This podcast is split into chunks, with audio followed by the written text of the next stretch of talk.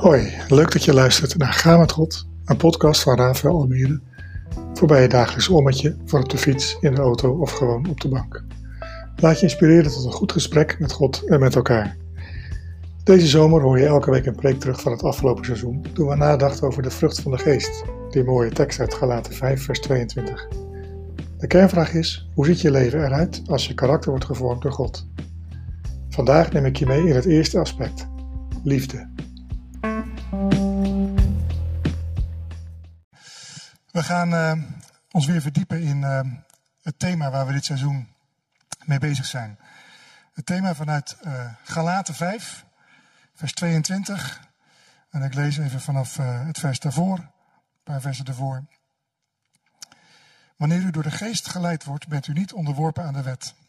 Het is bekend wat onze eigen wil allemaal teweeg brengt. Ontucht, zedeloosheid, losbandigheid, afgoderij en toverij vijandschap, tweespalt, jaloezie en woede, gekonkel, geruzie en rivaliteit, afgunst, bras- en slemperpartijen en nog meer van dat soort dingen. Ik herhaal u de waarschuwing die ik al eerder gaf. Wie zich aan deze dingen overgeven, zullen geen deel hebben aan het koninkrijk van God. Maar de vrucht van de geest is liefde, vreugde en vrede, geduld, vriendelijkheid en goedheid, geloof, zachtmoedigheid en zelfbeheersing. Er is geen wet die daar iets tegen heeft. Wat een opsomming, hè? Als je er even over nadenkt. We beginnen meestal bij dat vers, dat, uh, de vrucht. Maar die, die zinnetjes daarvoor, die uh, zetten al even het contrast goed neer. En dan gaan we, zijn we met elkaar over het nadenken wat dat betekent om vanuit de geest te leven en die vrucht in ons leven te zien groeien. Uh, en dus niet vanuit je eigen, je eigen wil, het vlees, zoals het komt in de, in de Bijbel. Vorige week is Frank Rink, onze collega, voorganger van de Sionspoort hier uit Almere, die heeft uh, gesproken over liefde. En dat ga ik nu weer doen. We gaan het ietsje uitdiepen, we gaan het ietsje verder brengen. En uh, uh, dat gaan we doen. Hij heeft het gehad over, heeft een mooi filmpje laten zien van Harry Jekkers over ik hou van mij. Met als achterliggende gedachte, als je niet van jezelf houdt, dan kun je ook niet moeilijk van anderen houden. En hij heeft het gehad over de liefde. Het onderscheid tussen de liefde die als mensen onderling kan voelen. En mensen die liefde die, ja, zeg maar de broederlijke liefde of de, de filio. Maar de liefde is de liefde van God. Die is onvoorwaardelijk en die is oneindig. En daar gaan we dus deze week ietsje verder over uitdiepen. Nou, um, ik zat er wel een beetje over te, over te puzzelen. Want liefde, het is natuurlijk zo'n zo'n groot, zo'n groot woord en zo'n groot, groot ding. Maar goed, ik had mijn preek grotendeels uh, voorbereid. En toen gisteravond uh, uh, onder het eten, als we met z'n drieën zijn, als die meiden het werk zijn, dan zitten wij tegenwoordig wel eens op de bank, moet ik toegeven. Dan, dan, zitten we niet meer netjes aan tafel. en we keken naar inmiddels mijn favoriete serie. We zijn helemaal aan het eind. En als ik zeg Jim en Pam, zegt iemand dat wat? Uh, Daan hiervoor. Jim en Pam van The Office. Zou het hele verhaal besparen. Dat is een serie die, een, een, een, een comedy-serie die volgt een, uh, een, een kantoorteam van een aantal mensen, 10, 15 mensen die op een kantoor werken. gebeuren alle hilarische dingen. En in dat verhaal van begin tot eind, het is negen seizoenen lang, uh, is, daar, is daar één verhaallijn. En die volgt Pam, de secretaresse, en Jim, een van de verkopers. En je voelt de laan, man en vrouw, jonge mensen. En die, die hele serie door zijn ze, eigenlijk de ene helft van de serie door zijn ze met elkaar. Ja, uh, zien ze elkaar en vinden ze elkaar leuk, maar er gebeuren allemaal dingen. En de grote vraag is, krijgen ze elkaar wel of niet? Gisteravond, wij zijn bijna het eind van de serie. Ze zijn inmiddels getrouwd. Ja, ik ga spoileren jongens. Ik ga spoileren, goed. Het is een oude serie. Ze zijn getrouwd, ze hebben strubbelingen gehad. En aan het eind, zeg maar, soort komt alles goed. En er was een scène. En uh, het hele intieme scène, een hele kleine scène, was geen comedy, het was heel oprecht. En daar verklaarde Jim opnieuw zijn liefde aan Pam. En deed het met zulke mooie woorden. En het was zo uh, ontroerend dat ik, nou, ik zat de uien te snijden, zou ik maar zeggen. Het was echt te, tegen de tranen vechten, want het was uh, zo, ach man, dat gaat, je door, dat gaat er door je heen. En ik dacht, het is, dacht, het is eigenlijk wel fantastisch dat je kijkt naar een serie, of een comedy. En je weet dat die waar is, je weet dat het allemaal niet, het zijn gewoon acteurs. Maar die kunnen toch iets overbrengen van iets wat, wat me gewoon kan raken. Wat je, waarvan je gewoon denkt, het ontroert je. Je ziet dat twee mensen uh, elkaar lief hebben, dwars er alles heen. En ik dacht, dat, daar, daar, zit toch wel, daar zit toch wel het geheim, of dat is toch wel een mooie illustratie van hoe ongelooflijk diep en hoe ongelooflijk, uh, ja, hoe diep dat verlangen zit van ieder van ons. Hoe, hoe, hoe, hoe, belangrijk, hoe hoog, maar ook hoe diep zeg maar liefde is. Als we daar al echt ontroerd kunnen raken door een paar acteurs die het ons voorspelen. Laat staan dat dat iets is wat we in ons eigen leven mogen ervaren. Dat zit zo diep. Dat verlangen, dat is het meest fundamentele. Ik denk ook hetgene waar we als mensen het meest naar verlangen. En het meest mee bezig zijn. Dat we geliefd zijn en dat we liefde die we voelen ook aan een ander kunnen, kunnen uiten.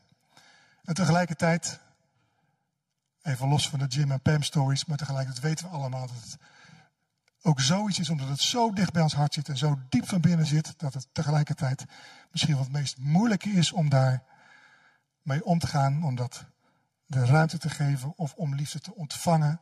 Het is verschrikkelijk moeilijk soms als je, eh, nou, als je, als je dat gewoon in je leven meemaakt.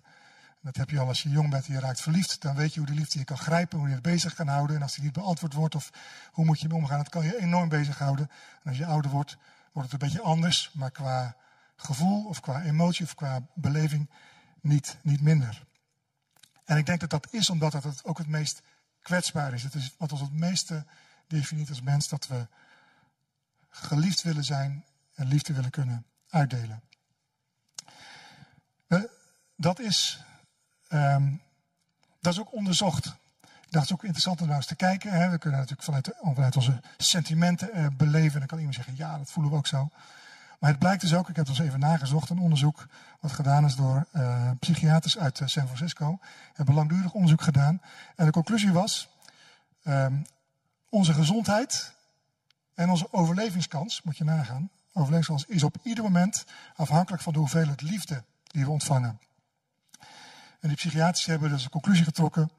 De liefdevolle relatie is net zo bepalend voor het overleven als een geneesmiddel of chirurgische ingreep zijn onderzoeken gedaan naar baby's, terwijl er geen, uh, was een, eigenlijk een toevallig onderzoek met, uh, met uh, vroeggeboren kinderen die in een couveuse terechtkwamen in de jaren 60, jaren 70. En daar ontdekten ze dat een bepaalde groep, dat bepaalde kinderen beter reageren dan anderen. Toen zijn ze gaan onderzoeken, toen bleek dus dat dat de kinderen waren die werden stiekem werden aangeraakt door de verpleegsters en verzorgers. Dat mocht niet, dat was niet de bedoeling, maar die verpleegsters wilden zo graag iets voor die kinderen betekenen dat ze stiekem toch aanraking deden. En die kinderen herstelden beter, werden sterker enzovoort. Dus er was een, ook een, uh, een bewijs dat liefde, aanraking, uh, zelfs bij een kind wat zo klein is dat het eigenlijk nog nauwelijks bewust is, dat het al effect heeft. Liefde is het grootste en meest fundamentele van alles. En wat mij betreft, als je de rest van de preek niet kan meemaken of vergeet, dit is al punt 1. Liefde is het grootste en meest fundamentele van alles. En het tweede waar ik nu met jullie nou bij wil stilstaan, is die, terug naar wat we net lazen uit Galaten 5, waar komt die liefde vandaan? Die liefde komt voort uit de geest. En het was heel mooi. Ik weet niet eens of Frank dat vorige week helemaal bewust deed. Um, we lazen dus net de tekst uit Galaten 5, de, de, de, thematekst zeg maar. De vrucht van de geest is, dubbele punt, liefde. En dan de hele serie met toch acht andere woorden. Maar Frank las vorige week Romeinen 5, vers 5. En er staat eigenlijk hetzelfde. Dan gaat het over de hoop die we hebben, omdat we, als God bij ons is en we toegang tot hem hebben. Deze hoop zal niet worden beschaamd, omdat Gods liefde in ons hart is uitgegoten door de Heilige Geest die ons gegeven is. Uitgestort, uitgegoten. Gods liefde is in ons hart uitgestort door de Heilige Geest. En ik zat er een beetje over na te denken. dacht ik, hoe werkt dat dan? En ik, ik vond een paar illustraties die ik gewoon even met jullie langslopen. Hoeven ze niet allemaal te lezen. Het zijn een paar uh, Bijbelsillustraties. En de eerste persoon aan wie ik moest denken was Zacchaeus. Verhaal wat in de evangelie voorkomt. Zacchaeus is een tollenaar, een man die eigenlijk wordt, uh, een beetje buiten de uh, maatschappij staat. Hij wordt gezien als een fraudeur. mensen mogen hem niet graag. Hij, hij steelt en hij verrijkt zich ten koste van anderen. En Zacchaeus ontmoet Jezus op een bijzondere manier. Eigenlijk, Jezus ziet hem staan gaat naar hem toe en die zegt: Ik wil bij jou eten vanavond. En dan maakt de Het verhaal maakt een sprong. We zien hem zeg maar bij Jezus naar binnen gaan. En daar gebeurt iets. En daarna komt Zacchaeus weer naar buiten. Of dan gaat het verhaal weer over wat Zacchaeus daar gaat zeggen. Zacchaeus is compleet veranderd. En wat hij doet, hij zegt, ik wil alles goed maken. Ik geef het viervoudige, als ik iemand iets heb afgenomen, geef ik het viervoudige weg. En de helft van mijn bezittingen geef ik aan de armen. We hebben het er al eens eerder over gehad hier dat dat eh, rekenkundig niet kan. Um, dat kan niet. Hij, hij geeft meer weg dan hij had. Maar die ontmoeting met Jezus is volgens mij en precies datgene wat in Romeinen 5 en in Galata 5 wordt, uh, wordt bedoeld. En wat in het mooie plaatje, wat je hier ook kan zien, uh, waar uh, die boom, die ontmoeting met Jezus met die twee gezichten eronderin, dat is waar iets verandert, waar het gebeurt. Zacchaeus was compleet ondersteboven van die ontmoeting met Jezus. Hij ontmoette iemand die zo genadig, liefdevol, goed, waarachtig was. Zo alles compleet. Hij zag, hij zag God recht in het gezicht toen hij Jezus ontmoette. En dat liet hem niet onveranderd. En wat je daarvan zag was een enthousiasme, een uitdelen, een, een, een vrijgevigheid. En, en een totaal anders kijken naar de mensen omheen, de liefde. Tweede, iets meer verborgen voorbeeld, uh, is Maria Magdalena, Maria van Magdala. Uh, wat ook door de hele uh, verhaal van Jezus hier op aarde, op zijn, tijdens dat, die drie jaar dat hij rondgaat, her en naar voren komt in evangelie. Maria was een vrouw van lichte zeden, is niet, helemaal, niet helemaal uitgewerkt, maar in ieder geval een vrouw die behoorlijk bedenkelijke reputatie had. Um, had veel mannen, misschien wel, deed misschien wel prostitutie. In ieder geval, zij was iemand die continu werd veroordeeld door de mensen om haar heen. En ook zij heeft Jezus ontmoet. En wat je ziet is dat dwars door alles heen, aan het eind, is zij degene die Jezus zalft, die, die snapt waar hij doorheen gaat en hem teruggeeft vanuit liefde. En die erbij is bij het kruis als een van de weinigen samen met de moeder van Jezus staat Maria van Magdala bij het kruis als Jezus daar uh, aangehangen wordt om te sterven. Ook zij heeft een ontmoeting en een aanraking gehad met Jezus, waardoor ze compleet veranderd werd door haar leven totaal wordt omgekeerd. Een derde voorbeeld, dat is een soort van fictief voorbeeld, maar we herkennen het allemaal. Het kwam ook in het lied naar voren wat we er net bij buiten zongen. Uh, het feest van genade, dat is eigenlijk de geschiedenis van de verloren zoon, kom naar huis.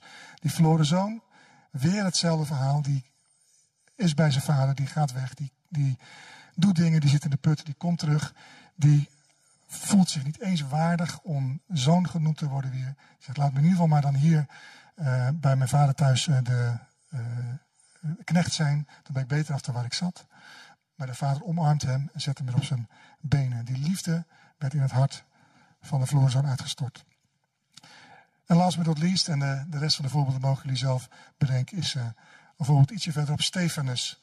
In het begin van het boek Handelingen. Stefanus werd, toen, de, toen Jezus was opgevaren naar de hemel en de kerk verder ging, uh, hebben ze gezegd, we moeten een aantal mensen erbij hebben om alles wat er gebeurde rond het groeien van de kerk in goede banen te leiden. En er zijn er zeven diakenen aangesteld en daar was Stefanus er één van. Hij heeft, het niet lang gered doordat hij zich zo identificeerde met, uh, met Jezus Christus, de man van Nazareth. Ook hij werd opgepakt, hij werd veroordeeld, uh, totaal uh, onrechtmatig proces.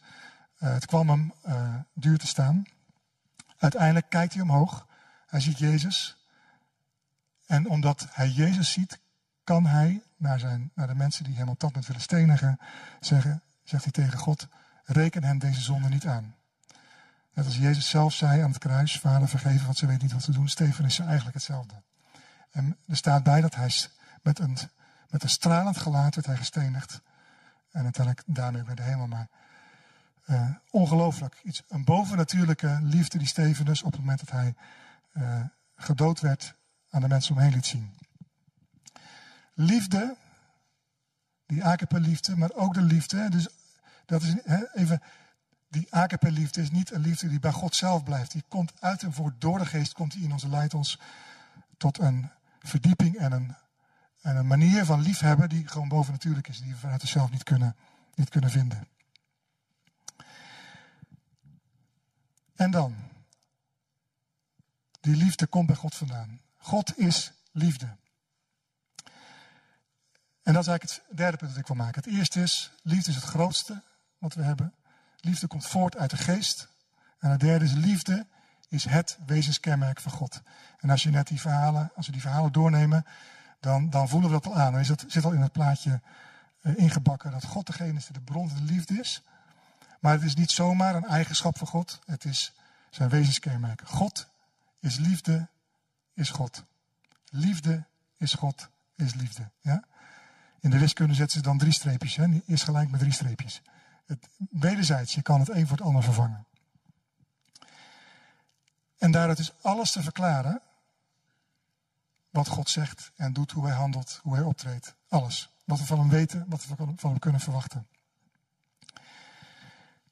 En um,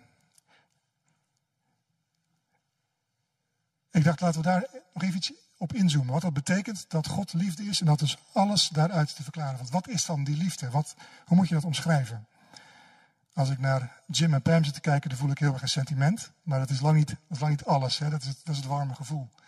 Liefde is veel meer dan dat. Als je een Bijbel hebt, kan je hem openslaan bij het bekende en mooiste hoofdstuk uit de Bijbel. En dat, en dat is 1 Korinthe 13, dankjewel Jurgen. 1 Korinthe 13, het hoofdstuk over de liefde. En daar uh, pak ik in ieder geval even de, het vers uit wat gaat over de, zeg maar, als, het, als het ware de definitie geeft van die liefde, die liefde van God. Het staat vanaf vers 4. De liefde is geduldig, vol goedheid, kent geen afgunst, geen ijdel vertoon, is niet zelfgenoegzaam, is niet grof, is niet zelfzuchtig, laat zich niet boos maken, rekent het kwaad niet aan, verheugt zich niet over het onrecht, maar vindt vreugde in de waarheid. Alles verdraagt ze, alles gelooft ze, alles hoopt ze, in alles volhardt ze. De liefde zal nooit vergaan. De liefde is geduldig, vol goedheid, kent geen afgunst, geen ijdel vertoon, geen zelfgenoegzaamheid, niet grof, niet zelfzuchtig. Ze laat zich niet boos maken en rekent het kwaad niet aan. Verheugt zich niet over het onrecht, vindt vreugde in de waarheid. Alles verdraagt ze, alles gelooft ze, alles hoopt ze, in alles volhardt ze. De definitie van liefde de omschrijving van het karakter van God. De exacte tegenstelling van die versen die we in Galaten 5 lazen voor de thematekst. Dit is God. Geduld, goedheid, niet afgunstig, enzovoort, enzovoort. God is liefde, is God. Ja? Liefde is God, is liefde. En het wil nog wel eens gebeuren dat mensen dan zeggen, God is liefde, zeker, maar hij is ook. En dan volgt er iets, heilig bijvoorbeeld, maar hij is ook heilig. Of maar hij is ook rechtvaardig. Of maar hij is ook een oordelend God. Of maar hij is ook een verterend vuur. Wel eens gehoord? Ja. Het klinkt goed en logisch, want God is groter dan we kunnen beseffen. En die eigenschappen of al die, die woorden, die, die, die zijn ook te onderbouwen, zal ik maar zeggen. Daar kun je ook uh, daar kun je wat van maken. God wordt ook heilig genoemd in de Bijbel. God is inderdaad een verterend vuur. Hij wordt ook, hij, hij, hij oordeelt, hij is degene die ook de rechter zal zijn. Maar stel je ervoor dat ik zeg, Mira is lief, maar ze is ook opvliegend. Wat zeg ik dan? dat ze minder lief is. Dat, het, dat er iets is wat dan afdoet aan die liefde, of wat in ieder geval misschien niet altijd zo is. Ze, is lief, maar soms is ze ook. Ze is meestal lief, ze is niet altijd. Als ik zeg, meer houdt van de kinderen, maar ze is ook streng. Wat zegt dat? Kan hetzelfde betekenen? Maar het, ligt eraan. Eh, het ligt eraan, hè? Dus als je zegt, God is liefde, maar hij is ook, dan is het maar net even vanuit het perspectief wie dat bekijkt. En het is, het, het is een verwijt wat, wat wij evangelische er was krijgen, dat we te veel over de liefde praten, te weinig over de andere uh, aspecten van God. Nou, ik ga hem straks nog even inkoppen. We spreken er nog te weinig over wat mij betreft. Als je zegt, God is liefde, maar hij is ook, dan moet je heel goed nadenken of dat wat erop volgt bedoeld is als iets wat afbreuk doet aan zijn karakter van liefde, of dat dat een uitwerking ervan is. Als ik zeg, Mira is, houdt van onze kinderen, maar ze is ook streng, dan kan het zijn dat, die, dat die, haar gedrag en het strenge uh, niet, eh, dat dat iets voortkomt wat niet uit de liefde voorkomt, maar uit opvliegendheid of uit. Het kan ook zijn dat ze juist streng is omdat ze van de kinderen houdt. Omdat we kaders willen zetten, omdat we goed voor ze willen zijn en willen zorgen dat ze niet zomaar losbandig worden. En dan staat het niet tegenover elkaar, is een uitwerking. Ja? God is liefde. En vanuit alles wat je zegt over God, alles wat je is te verklaren vanuit God is liefde. Dus als we zeggen, God is liefde, maar hij is ook heilig, dan kan je zeggen, als je maar niet ermee bedoelt dat het afbreuk doet aan iets waarvan je denkt dat dat wordt verstaan onder God is liefde. Ik heb het zo opgeschreven. God is liefde, dus hij is heilig. Want hij is zo totaal anders dan alles wat niet uit God komt. God is liefde, dus hij is rechtvaardig, want hij heeft een afkeer van onrecht. Lazen in 1 Korinthe 13. God is liefde, dus zoekt hij de waarheid. ook die tegenstelling tussen liefde en waarheid. Nee, geen tegenstelling. God is liefde, dus is hij de waarheid, want daar verheugt hij zich in. Lazen we in 1 Korinthe 13. God is liefde, dus hij is een verterend vuur voor alles wat het daglicht niet kan verdragen en wat niet past bij zijn karakter. God is liefde, maar hij is ook krachtig. Nee, God is liefde, dus hij is ook kracht. De kracht van zijn liefde. Zijn liefde is de kracht waardoor wij bestaan. Zijn liefde is de kracht waardoor het hele universum is geschapen. Omdat die liefde zo groot was dat hij niet voor zichzelf wilde hebben. Alles is te verklaren vanuit de liefde van God. En als je nou struggelt en, en een beetje in de war raakt over hoe dat nou zit en hoe God naar je kijkt en wat hij maar doet, dan moet je deze oefening maar eens gaan doen. Dan moet je maar eens gaan proberen te zeggen, als je in je hoofd zo'n stemmetje hoort van God is liefde, maar hij is ook. Dan moet je ervan maken, dus hij is ook. En dan ga je het invullen. Dan ga je denken, God is liefde, dus hij is ook uh, oordelend. En wat betekent het dan? Dat het oordeel niet over mij gaat, maar over dingen die niet bij me horen. Dat hij scheiding maakt tussen wat van hem is en niet van hem. En dan kun je verklaren dat dat vanuit liefde is, dat hij het onderscheid maakt. Want hij wil je zuiver en rein en heilig hebben, omdat het het beste voor je is. Niet om je aan de kant te zetten, maar juist omdat hij van je houdt. En ik, ik benadruk dat, omdat ik weet hoe snel die misverstanden weer in je hoofd zitten. Hoe snel je tussen je oren kan hebben. Omdat je iets anders opvat, om, op, opvangt ergens, omdat mensen tegen zeggen, of omdat je zelf. We zijn zo geneigd om afbreuk te doen aan de liefde van God voor ons, dat we dat soms heel erg bevestigd zien in woorden die we horen of dingen die we oppakken. Alles wat je over God hoort is te verklaren vanuit zijn liefde. En als je mij niet gelooft, lees alsjeblieft de Bijbel. Lees 1 Corinthië 13. Zie het beeld van God. Zie hoe Jezus daarin naar voren komt. Zie wie hij is en wat hij doet. En ik denk het goed is om iets te zeggen. Hoe komt het nou dat wij dat soms ervaren? Dat is een, ik denk een belangrijk ding wat ik tegenkom in mijn eigen leven, mijn eigen denken erover, dat ik heel vaak merk dat ik eigenlijk, dat er toch een soort angst zit. Dus op het moment dat wij, uh, dat ik iets tegenover die liefde van God wil zetten, of iets anders van God verwacht dan puur het liefde, dan is het vaak uit angst, omdat ik uh, denk dat ik het niet goed doe voor hem, uh, angst voor zijn oordeel en uiteindelijk dus gewoon angst voor God zelf. Um, maar dat hoeft niet zo te zijn. Romeinen 5, wat we net lazen, die eerste zin, dat is een prachtige opmaat naar Romeinen 5, 6, 7, 8. Uh, een geweldige betoog van Paulus. Daar moet je de tijd nemen om te lezen, maar die precies dat hele punt raakt. Die zo, die dat heel diep gaat dat.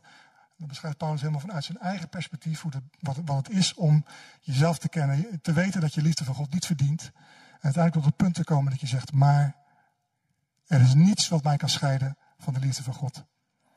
Het begint bij de vraag, bij, de opmerking, ik ellendige mens, zegt Paulus op een gegeven moment. En hij eindigt bij, niets kan mij scheiden van de liefde van God.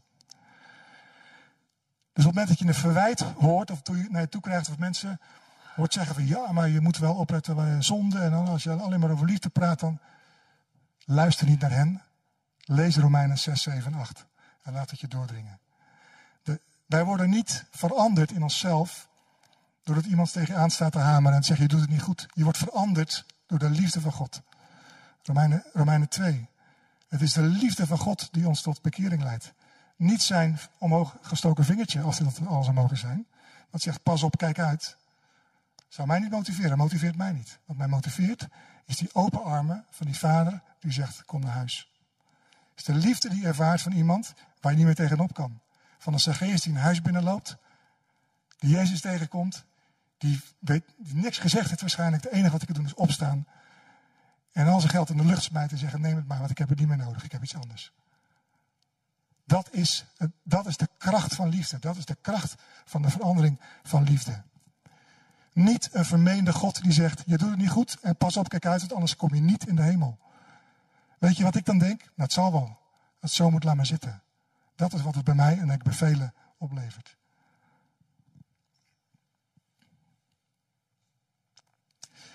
Je kunt de liefde en de genade van God niet overdrijven. Je kunt de liefde en genade van God niet overdrijven. Martin Lloyd Jones, een uh, bekende prediker uh, uit uh, begin 20e eeuw, die zei, ik heb het helemaal in het Engels uitgeschreven, want het komt erop neer, als je als prediker nooit is verweten dat je te veel genade predikt, dan heb je het niet goed gedaan. Dan moet je achter je oren krabben. Want de genade van God is zo groot dat we nooit kunnen begrijpen. En dat, we, dat het goede nieuws is zo goed dat we nooit recht kunnen doen aan hoe goed dat is en hoe sterk, dat, hoe sterk het is. En Greg Boyd, een andere Amerikaanse uh, voorganger, goede denker ook, scherpe, scherpe visie op dit verhaal, die zegt, als God niet lief heeft, is hij geen God meer. Dus als je iets zou ervaren van God wat je niet zou kunnen verklaren uit zijn liefde, dan is hij God niet meer. Die agape is zo zijn wezen. Hè? Dat komt voort uit wat we net constateren. God is liefde, is God. Nou, als dus God iets zou doen wat, niet meer uit zijn liefde te verklaren is, dan is hij God niet meer.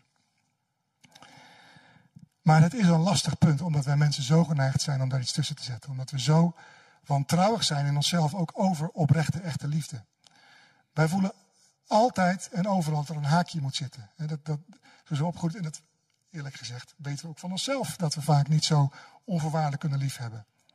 Dus we vinden het heel moeilijk om dat echt te ontvangen en echt te kunnen zeggen van God, die onvoorwaardelijk, die is gewoon niks, er zit niks meer achter, dit is het gewoon. En de Bijbel wordt ook gesproken over scandalon, hè? het schandaal. En uh, dat gaat over Jezus Christus, maar het gaat ook over de liefde van God. Het is een schandalige liefde. Omdat het een, en met dat schandaal, dat scandalon is een, is een struikelblok, betekent het letterlijk. Een steen is aanstoot. Wij, het is zo ongelooflijk, omdat we voor onszelf zo weinig kunnen voorstellen. Dat het, dat het iets is waar, je tussen kan gaan staan. En aan de ene kant, wat ik al net zei, heb je dus die angst voor God, die is in je kan leggen, waardoor je het moeilijk kan ontvangen. Soms is het ook, als ik eerlijk in mijn eigen hartje kijk, de trots om God toe te laten. En over dat struikelblok heen te, te stappen. En Gods liefde echt tot me door te laten dringen. Nou, dat wil ik even jullie kwijt, lieve mensen. God is liefde, is God. En ik ga nog één stuk met jullie lezen om mijn laatste punt te maken. En dat is het volgende. Het volgende punt. We hebben elkaar nodig om Gods liefde te kunnen bevatten. Lees even met me mee in Efeze 3, vers 16. Efeze 3, vers 16, is goed onthouden. Daar staat het volgende. Dat is een gebed van uh, Paulus. En die uh, zegt het volgende. Mogen hij, de Vader, God, vanuit zijn rijke luister uw innerlijke wezen kracht en sterkte schenken door zijn geest, zodat door, door uw geloof Christus kan wonen in uw hart en u geworteld en gegrondvest blijft in de liefde. Heb je hem weer, hè? Dus de geest die in ons hart komt en daarmee de liefde van God die daar komt. Die geworteld en gegrondvest blijft.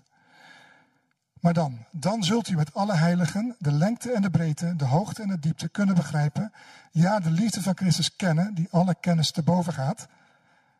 De liefde van Christus kennen, die alle kennis te boven gaat. Hoe mooi is dat geformuleerd? Opdat u zult volstromen met Gods volkomenheid.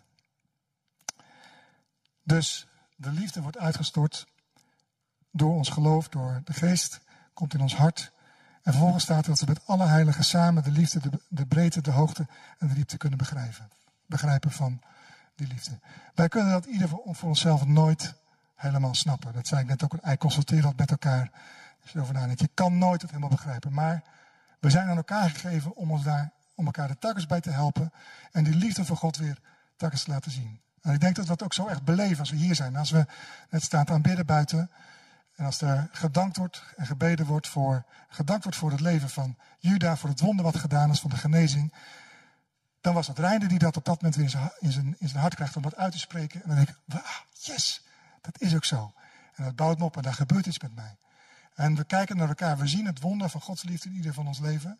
En we horen van Rico die weer staat en als nooit tevoren kan staan, omdat, omdat er ook iets is gebeurd uh, waar God in was. We kunnen naar elkaars ogen kijken. We kunnen leren om elkaar te accepteren. We kunnen elkaar helpen om over die struikelblokjes heen te stappen. Om telkens elkaar te leren kennen. En Mira die bad buiten ook over nou, iets wat, wat een leerproces is. Waar wij mee bezig zijn met omgang met mensen om ons heen. En, en stap, stapsgewijs telkens zeggen, oké, we maken een stapje vooruit. We willen die liefde die we hebben ook delen, we willen hem ook zien. En we hebben elkaar nodig om dat te blijven doen.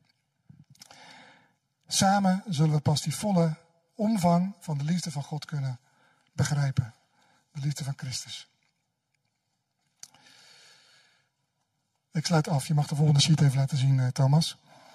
Um, het is allemaal geen nieuwe gedachten, want dit uh, good old kerkvader Augustinus die uh, wist het al prachtig te formuleren. Die zei, door mij te beminnen, maakt u mij beminnelijk. En wat ik zo geweldig mooi vind aan deze uitspraak, die op zich het makkelijk, we hebben het eigenlijk net gewoon over gehad. Maar door de woorden die hij kiest, om, niet, om, het, om het dichterbij te brengen, om te zeggen, door mij te beminnen, maakt je mij beminnelijk. Eh, laat ook iets zien van die, van die rijkwijde en die grootte van die liefde van God. Liefde beminnen, bemind worden. Het ook op hartsniveau ervaren, dat er iemand is die van je houdt. En daardoor veranderd worden, zodat je er iets van kan uitdelen. Door mij te beminnen, maakt u mij beminnelijk. De vrucht van de geest is liefde, dubbele punt. En de volgende acht andere. Het begint met liefde, het eindigt met liefde. En het opvat alles wat er komen gaat. We sluiten af met een, uh, met een lied. En ik zou zeggen, luister en kijk. Ik heb de tekst er een beetje naast gezet. Uh, een beetje klein misschien, voor de mensen die het uh, wat moeilijker kunnen verstaan. Dan kan je het lezen. En anders dan moet je hem even op YouTube nazoeken. Chris Renzema, God is Love.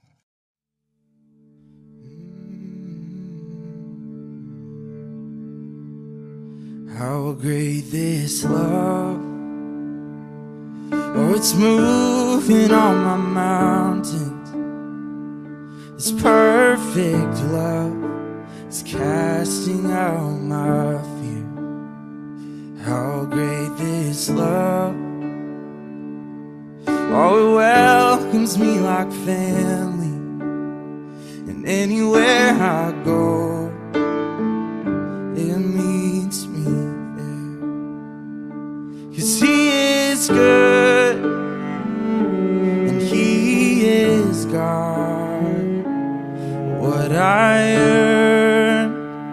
It's not what I got, and He is just it oh so kind. What I deserve, it's not what I find. What more could I say about him? My God is love.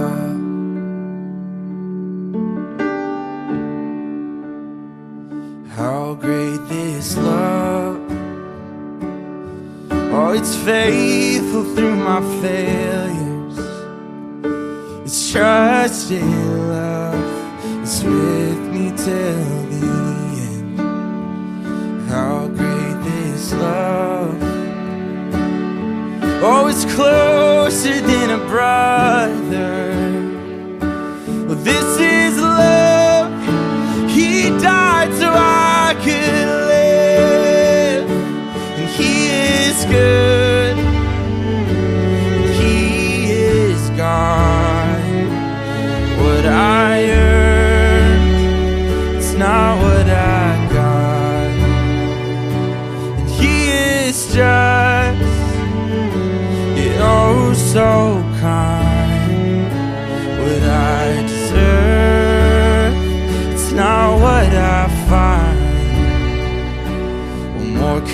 Say about him? My God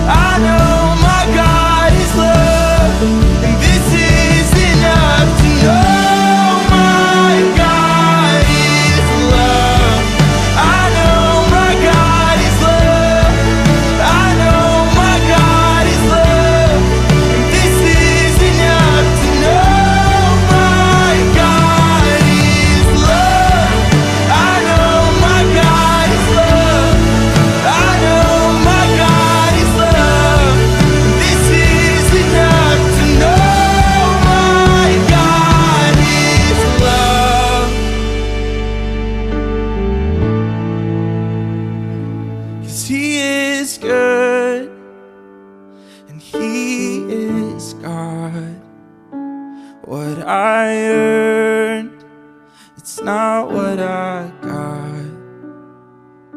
And he is just yet oh so kind. What I deserve, it's not what I find. What more could I say about him? My God is love. What more could I say about him? My God is love. What more could I say about him? My God is love.